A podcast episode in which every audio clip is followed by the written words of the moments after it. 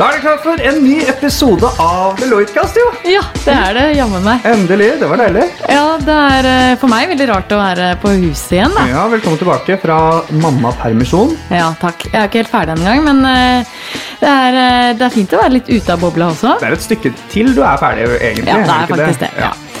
Eh, Sånn er det med tvillinger. Da får man litt eh, ekstra god tid til å Ja, vi kan, eh, ikke så veldig mye ekstra tid, faktisk. Nei, men eh, ja da. Burde, burde hatt, kanskje. Ja, det har kommet nå, med Ja. nye regjeringen, faktisk. Ja, sier du det? Ja. Mm.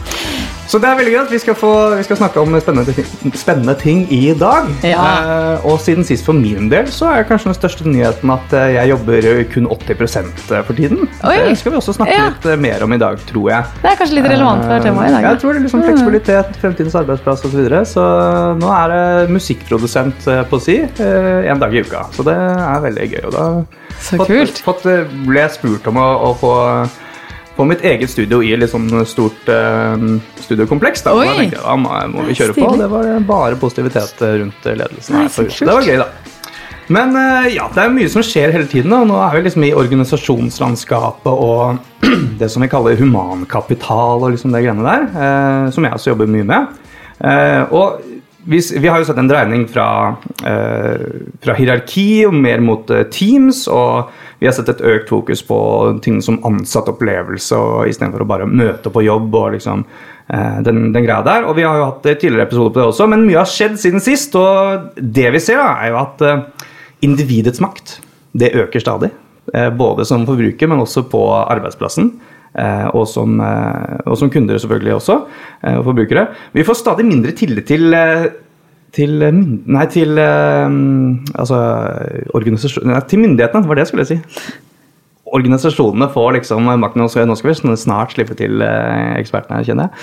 Eh, Ja, For å dykke mer i disse utfordringene her, så eh, har vi jo fått med oss virkelig ekspertene ja, på huset. Ja, sånn, ja. Eh, Marit Wærnes og Kristoffer Skjelbred, eh, velkommen. Dere Takk, jobber begge i Human Capital, humankapital, i, mm -hmm. i i consulting-delen i Deloitte. Eh, Marit, du eh, er leder for arbeidet på lederutvikling hos oss. Ja. Og Kristoffer, du er jo leder arbeidet på denne rapporten om framtidens arbeidsliv. ikke sant? Det stemmer. Ja. Så de rette personene i studio i dag. Oh, yes. Så um, for å ta det helt ned Humankapital, human capital. Hva er det vi egentlig mener med det begrepet? Og disse trendene, altså, hvorfor, Ja. hvorfor skal vi gidde å bry oss om dette her? Skal du si noe om det, Kristoffer? Eller skal jeg eh, begynne? Jeg kan begynne. Humankapital er jo et eh, hva skal jeg si, litt sånn økonomisk ord på mennesker. Altså at du ser verdien i mennesker, i ansatte, medarbeidere. Det er de som leverer eh, verdi. Det er de som gjør det organisasjoner skal gjøre. Det bedriftene lever om. Så det er vel litt sånn ja, måte å putte det inn i økonomispråket, tenker jeg. Og at det faktisk kan telles og regnes også på denne verdien. Og at liksom, organisasjonen det er ikke bare assets og, og bunnlinje, men det er faktisk menneskene i den. Ja. Det er der verdien virkelig ligger, er ikke det som er liksom grunntanken? Jo. Og disse, disse trendene, da. Vi får denne rapporten hvert år. Hva er, hva er greia her? Ja, det er uh, denne Human Capital Trends, som den heter. Vi kaller den for eh, Undersøkelsen om fremtidens arbeidsliv på norsk. Oh, yeah. Og eh, det den gjør, er det er en årlig undersøkelse hvor vi ser på hva er egentlig utviklingen innenfor nettopp humankapital, om du vil. Innenfor organisasjoner, hvordan de utvikler seg, hele det faget der. Ledelse tilsvarende. Eh, Og det er da en global årlig undersøkelse som vi har. I år er det, var det mer enn 11 000 respondenter fra hele verden.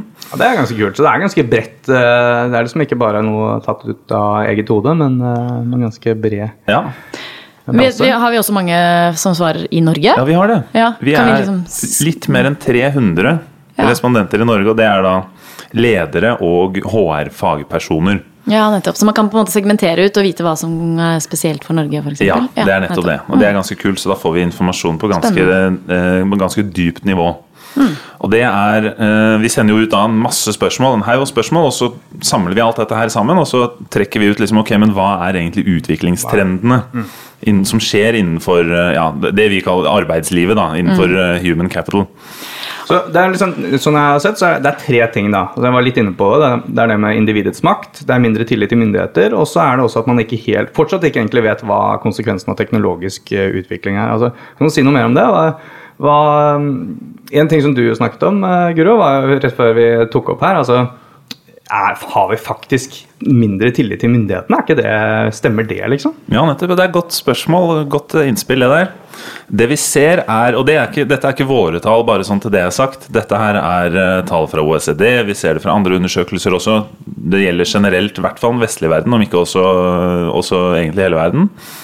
Hvor vi ser at eh, tilliten innbyggerne har til myndighetene og til eh, liksom, å ta- ivareta interessene til innbyggerne, den svekkes. I Norge så er trenden Altså vi har generelt sett veldig høy tillit til eh, myndighetene. Og eh, det går nedover, men ikke så, ikke så fort som det det gjør i andre land. Eh, Men det er en trend. Eh, Og hva skal man si, kanskje det viktige å ta med fra akkurat den delen her, det er at eh, liksom resultatet her blir at forventningene til hvordan virksomheter deltar i samfunnet, er høyere nå enn det de var. Ja. Et eksempel på det her er jo vel, Vi snakker mye om CSR og tiltak eh, som gjøres der. Som er corporate social responsibility, for Ja. de som ikke kan kjenne. Yes, det stemmer. Og så ser vi at, det- at si, det er jo en voksende trend generelt sett. Og vi ser jo Et eksempel på dette her er jo Nordic Choice Hotels, f.eks. Som rapporterer på tre bunnlinjer. bunnlinjer. De kaller det for Ja. people, som er hva skal man si, um, nærmiljøet. eh, og ivareta folk som kanskje sliter litt der. Um, planet, som er klima og liksom det globale perspektivet på det. Og profit, selvfølgelig. Det er bunnlinja. Det må tjene penger også. Jeg, jeg synes det er viktig å si at selv om vi ikke vil gå dypt inn i dette med minskende tillit til myndighetene, så det vi ser i hvert fall er at det er en økende forventning og kanskje økende tillit til at business, at virksomheter og organisasjoner kan klare å fikse opp i tingene.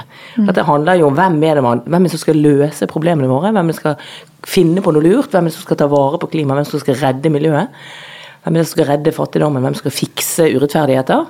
Jo, kanskje ikke nødvendigvis at vi i mindre grad tror myndighetene klarer det, men vi forventer at noen andre skal bidra også. Ja, nettopp. Så, altså, vi har jo hatt en egen episode på, um, på det med samfunnsansvar og bære, bærekraft. Ja. Men, og det ligger noe mer i det enn det? Eller? Ja, for det, for det er et begrep som heter den sosiale virksomheten, som er viktig i rapporten her. Men mm. er det bare dette med bærekraft, eller er det bredere? Nei da, det er bredere. Og det er akkurat sånn som eh, Andreas påpekte her innledningsvis, at den, si, de økte forventningene som samfunnet har til eh, bedrifter, er én av tre megatrender, egentlig. Det andre er individets økte makt og digitaliseringen og konsekvensen av det. Og, øh, ja, og det vi ser, er at det totalt sett så er si, liksom presset på øh, organisasjoner, på virksomheter, fra utenfra, altså fra konteksten, fra omgivelsene, er større nå enn hva det har vært tidligere.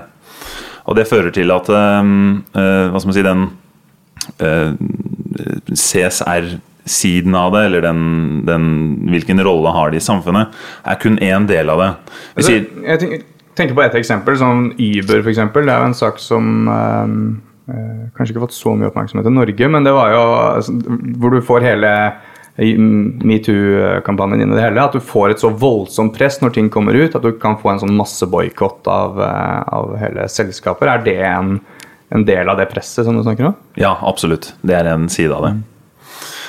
For det som er interessant, er jo da plutselig så begynner folk å kikke med arbeidsmiljøene i kortene. ikke sant? Hvordan er det egentlig i NRK? Hvordan er det egentlig inne i sånne store organisasjoner? Hvordan har de det der? Det er ikke lenge siden det ikke var sånn i det hele tatt. Nei, altså man snakket ikke om dette her. Det var det var black hole. Altså, det var sånn, Mye mer transparent. Mye dag, ja. mer transparent, og enkeltindivider som uh, slenger ut en informasjon om noe, gjør plutselig at hele kulturen blir liksom satt i, i medias lys. da. Så det skaper jo uh, Det som jeg er opptatt av, er jo også hva, hva gjør dette for ledere? Hva gjør dette med ledelsen? Hvordan, må man for, hvordan skal man forholde seg til disse tingene her? Fordi uh, man kan ikke Altså, man er gjennomsiktig, man blir avslørt. Det er på en måte bare sånn det er, og så må man mer tenke hva gjør vi da? Hvordan håndterer vi det? Jeg kan ikke si litt mer om det, Marit. Hva vil denne trenden si for ledelsen selskapet? Dette med sosiale Så jeg tenker jo at eh, klassisk så har vi jo alltid snakket om at lederrollen er å være et forbilde. Være en rollemodell for hvordan man skal oppføre seg, hvordan man skal gjøre de riktige tingene, hvordan man skal være målretta, lojal mot firmaet osv. osv. Jeg tenker jo at det begrepet får mye større betydning nå. Altså Man må virkelig være en rollemodell i ordets rette forstand og på veldig mange områder. På nye arenaer, da, tydeligvis? Ja, altså det er ikke bare hvordan du driver på på jobben, men Nei, hvordan hele privatlivet ditt og de etiske verdiene, og sorterer du søppel og sykler du til jobben, eller hva gjør du? Altså, og så har du en tweet for ti år siden, så er det over ut, liksom. Ja. så, altså det er ganske tøffe greier. Um, mm. Og i tillegg så er det som også Kristoffer var inne på, det er jo et internt press på ledere også. Ikke sånn at Medarbeidere forventer jo masse. De ansatte ser jo på hvem du er og hva du gjør. Og når eh, virksomheten er litt sånn vi må jobbe på tvers, vi må, vi må høre på hverandre, vi må jobbe i Teams. Ja, hva gjør lederne da? Jobber de i Teams? Hm. Mm. Ja. Vet ikke. Ja, for da er vi inne på egentlig den, første, den så sosiale, eller social enterprise, sosiale virksomheten, er på en måte den, den store Altså det vi beveger oss mot. Det var jo eh, fra hierarki og til eh, Teams. Det var liksom for noen år siden, eller bare ett eller to år siden, så var liksom det den store trenden. Og den ser vi jo virkelig fortsatt. Det er jo ikke alle som er der. Men så er liksom ikke bare fra eller til sosialt internt, men sosialt eksternt. Det er liksom den store. Men den største trenden er det du sier der med ledelse.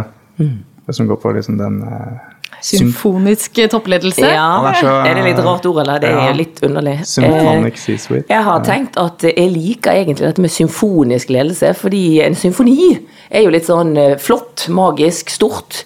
Men det er jo ikke liksom harmonisk eller uh, Altså I symfonier så hører man jo disharmonier, man hører jo ulike partier, man hører jo solopartier. Men at helheten blir ganske flott og ganske magisk og stor. Mm. Så jeg syns egentlig symfonisk ledelse er et ganske godt bilde på hva som skal til, da.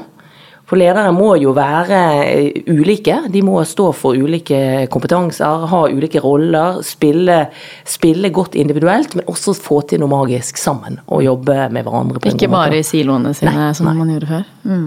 Hva betyr det for resten av eh, altså Åpenbart så betyr det mer samarbeid for resten av eh, virksomheten nå. Altså, veldig mange snakker om at nå må vi samarbeide bedre. Mm. Men hvordan gjør man egentlig det? Ja, altså. Ja, hvordan gjør man det? Det er, ikke, det, det er veldig mye ord og veldig ofte vanskelig å få det til, mm. faktisk. Alle snakker om det og har snakket om det lenge. Jeg tenker at eh, et, jeg tror et utgangspunkt for å jobbe godt sammen er å begynne med å erkjenne forskjeller. Altså ikke hoppe rett i nå skal vi, nå skal vi liksom bygge noe stort i fellesskap, men kanskje stoppe opp litt og begynne med hva er det hver og en bringer inn i fellesskapet som er forskjellige. Hva er din spesialitet, hva er din greie, hva er min greie? Og så derfra bygge et slags fellesskap, da. Mm. Jeg tror ofte man hopper litt for fort inn i ambisjonen om at vi skal ha felles mål og, og bli helt sånn like. Og så går det ned med et mageplask. Vi får det ikke til. Ja.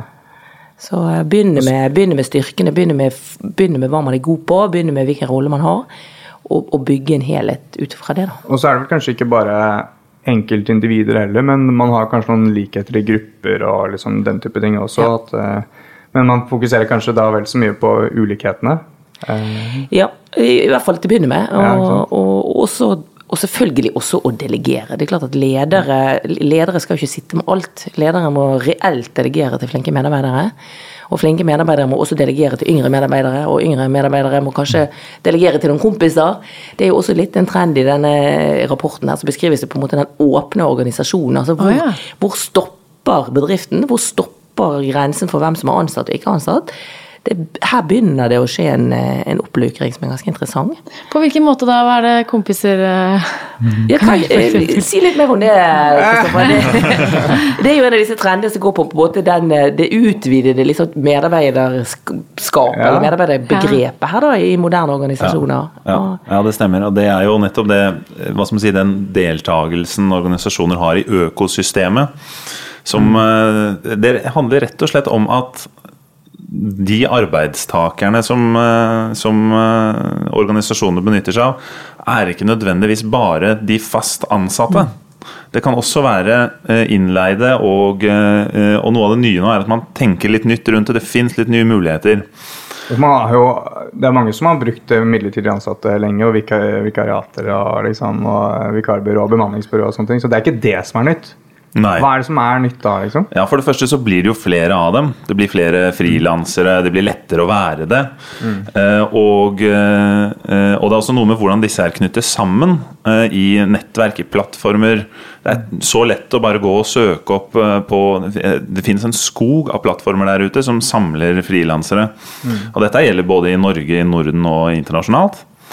Eh, og, eh, så Det er på en måte én side av det. At det er lettere, det blir flere, det er mer tilgjengelig. Den andre siden av det er liksom nye tanker og nye muligheter, f.eks. knyttet til crowdsourcing.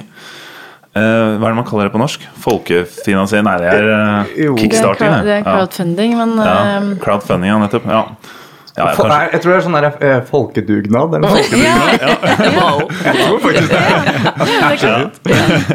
I hvert fall, eh, Det dreier seg om hvordan organisasjoner hva skal man si, engasjerer folk som, som kanskje ikke engang får lønn fra, eh, fra den virksomheten, men som, hvor de allikevel får hjelp til å utvikle produkter. Mm. Eller er sånn, teste eksempel, muligheter og tjenester. ha dem inne på workshop, eller ja, de det, men legge det ut på medier. nettet. liksom. Ja. Altså, Yes. Det er egne sider som, eh, som tilbyr premier til de som løser en oppgave best mulig. Som innen masse sant. forskjellige Ja.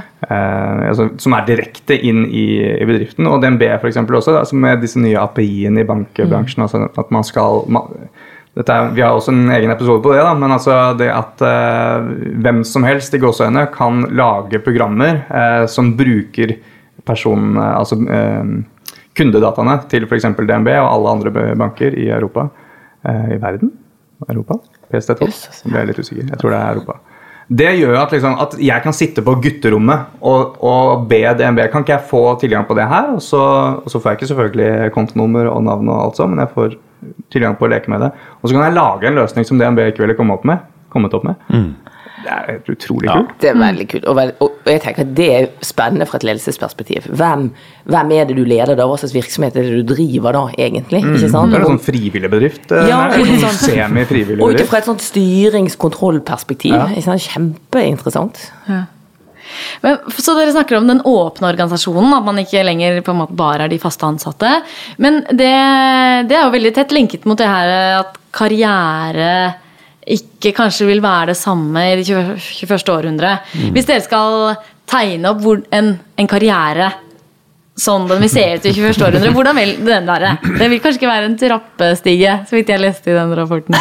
Eller var det trappestige? Ikke trappetrinn?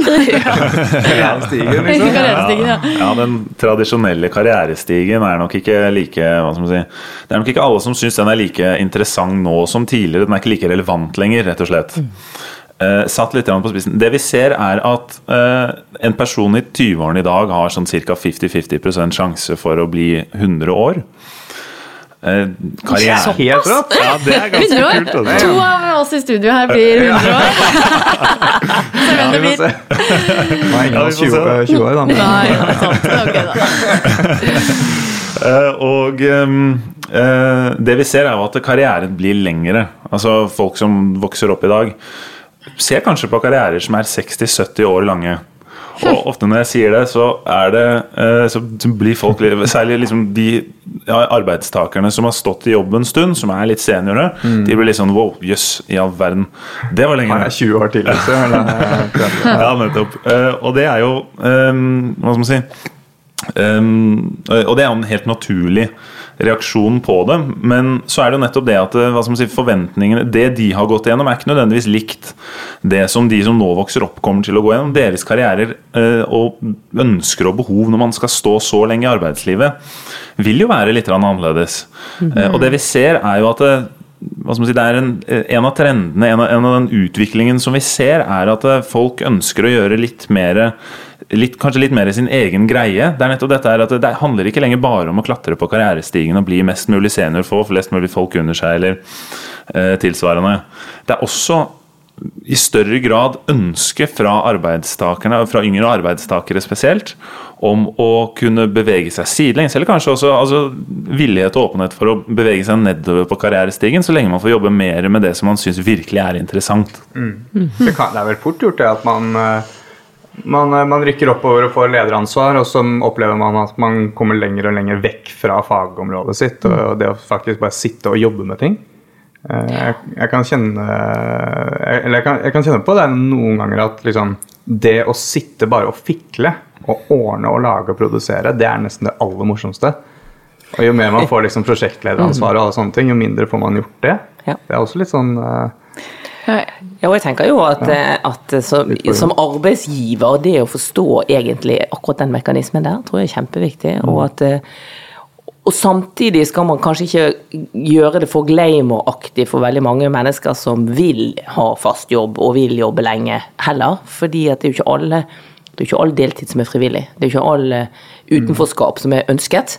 Men at man må ha en kombinasjon her. Man må på en måte se hva den enkelte trenger. og at jeg tenker jo kanskje hele karrierebegrepet vårt kommer til å endre seg. For hva er karriere, da? Er det nødvendigvis oppover til sjefskap, eller er det Skal vi Eller er det bare å levere verdi over Ja, tid og gjøre noe som Eller er lære masse interessant, nytt. Og, og lære, og lære ja. Mm. nytt, og, og ha en, på en, måte, en, en positiv opplevelse av det å være i et arbeidsliv i hva var det du sa, Kristoffer, 60-70 år?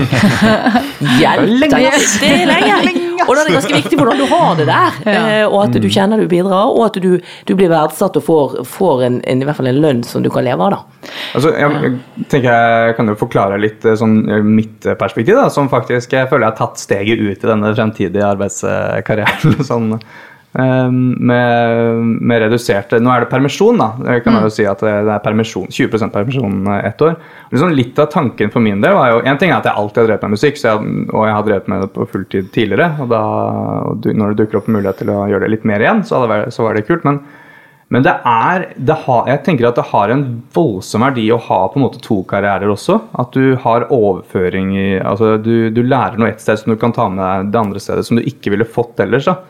Ja, kanskje du får en ny giv, eller å ha den ene dagen Ja, jeg, ja egentlig. Noen ganger så ikke sant? Jeg kan uh, ha den dagen på en, uh, en eh, torsdag, og så kommer jeg på fredag, og så ja, åssen var helgen, liksom? Så, så får man mandagsfølt. Men det gjør jo også at altså, kapasiteten på jobben her er jo ikke mindre, så sånn sett så er det alltid mulig å jobbe mer hvis man vil det. Ja. Men, men det, en annen ting er sånn hvor interessant det er å ta med seg f.eks. fra musikkbransjen. De voldsomme endringene som har skjedd der, det er kanskje en av de bransjene som ble berørt tidligst av digitalisering. Eh, og det er ingen som kjøper CD-plater lenger, og det har de ikke gjort på 10-15 år. ikke sant? Å ta med de erfaringene over i resten av næringslivet òg, det, er- det er kjemperelevant. Ja. Klart det. Nei, det er godt, og det er godt poeng, det der. Det er jo nettopp dette her med at vi ser altså, Det handler om å se hele mennesket. Det er ikke kun arbeidstakere når de er på jobb. Eh, og jeg tror veldig mange kjenner igjen akkurat dette her med skillet mellom jobb og privatliv viskes ut.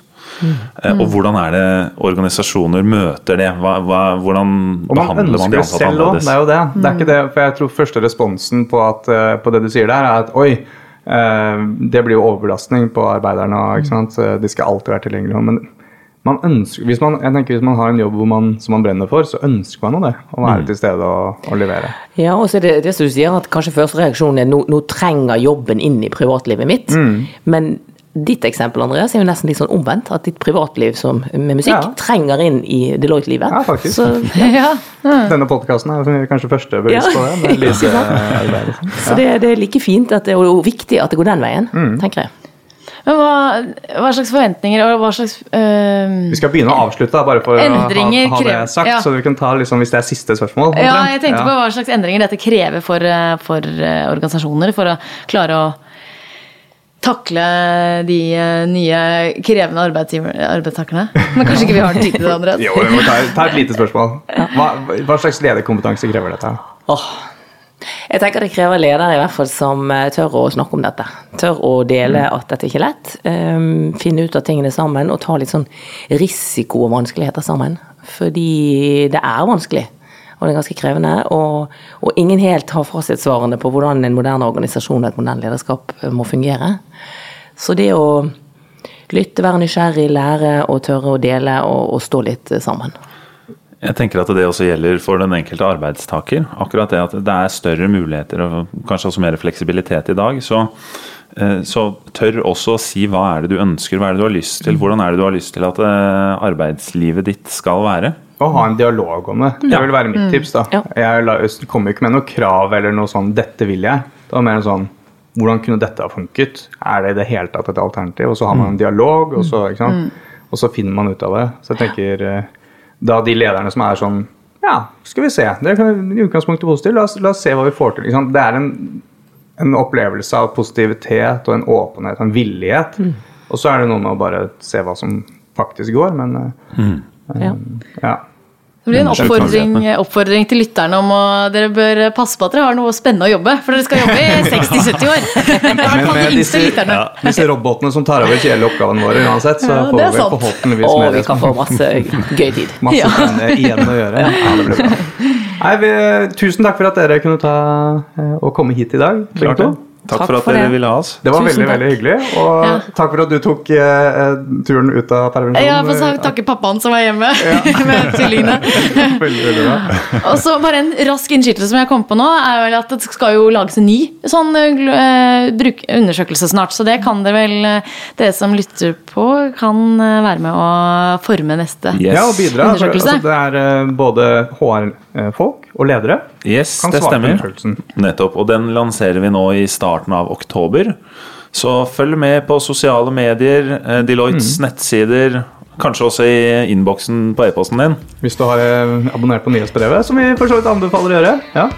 Uh, mm. Nei, men, eh, tusen takk for at dere har lyttet på. Ja. Og at dere Tusen kom. takk. Så- Lykke til videre med musikken, Adrian. Vi høres. Ja. Ja. Takk for nå.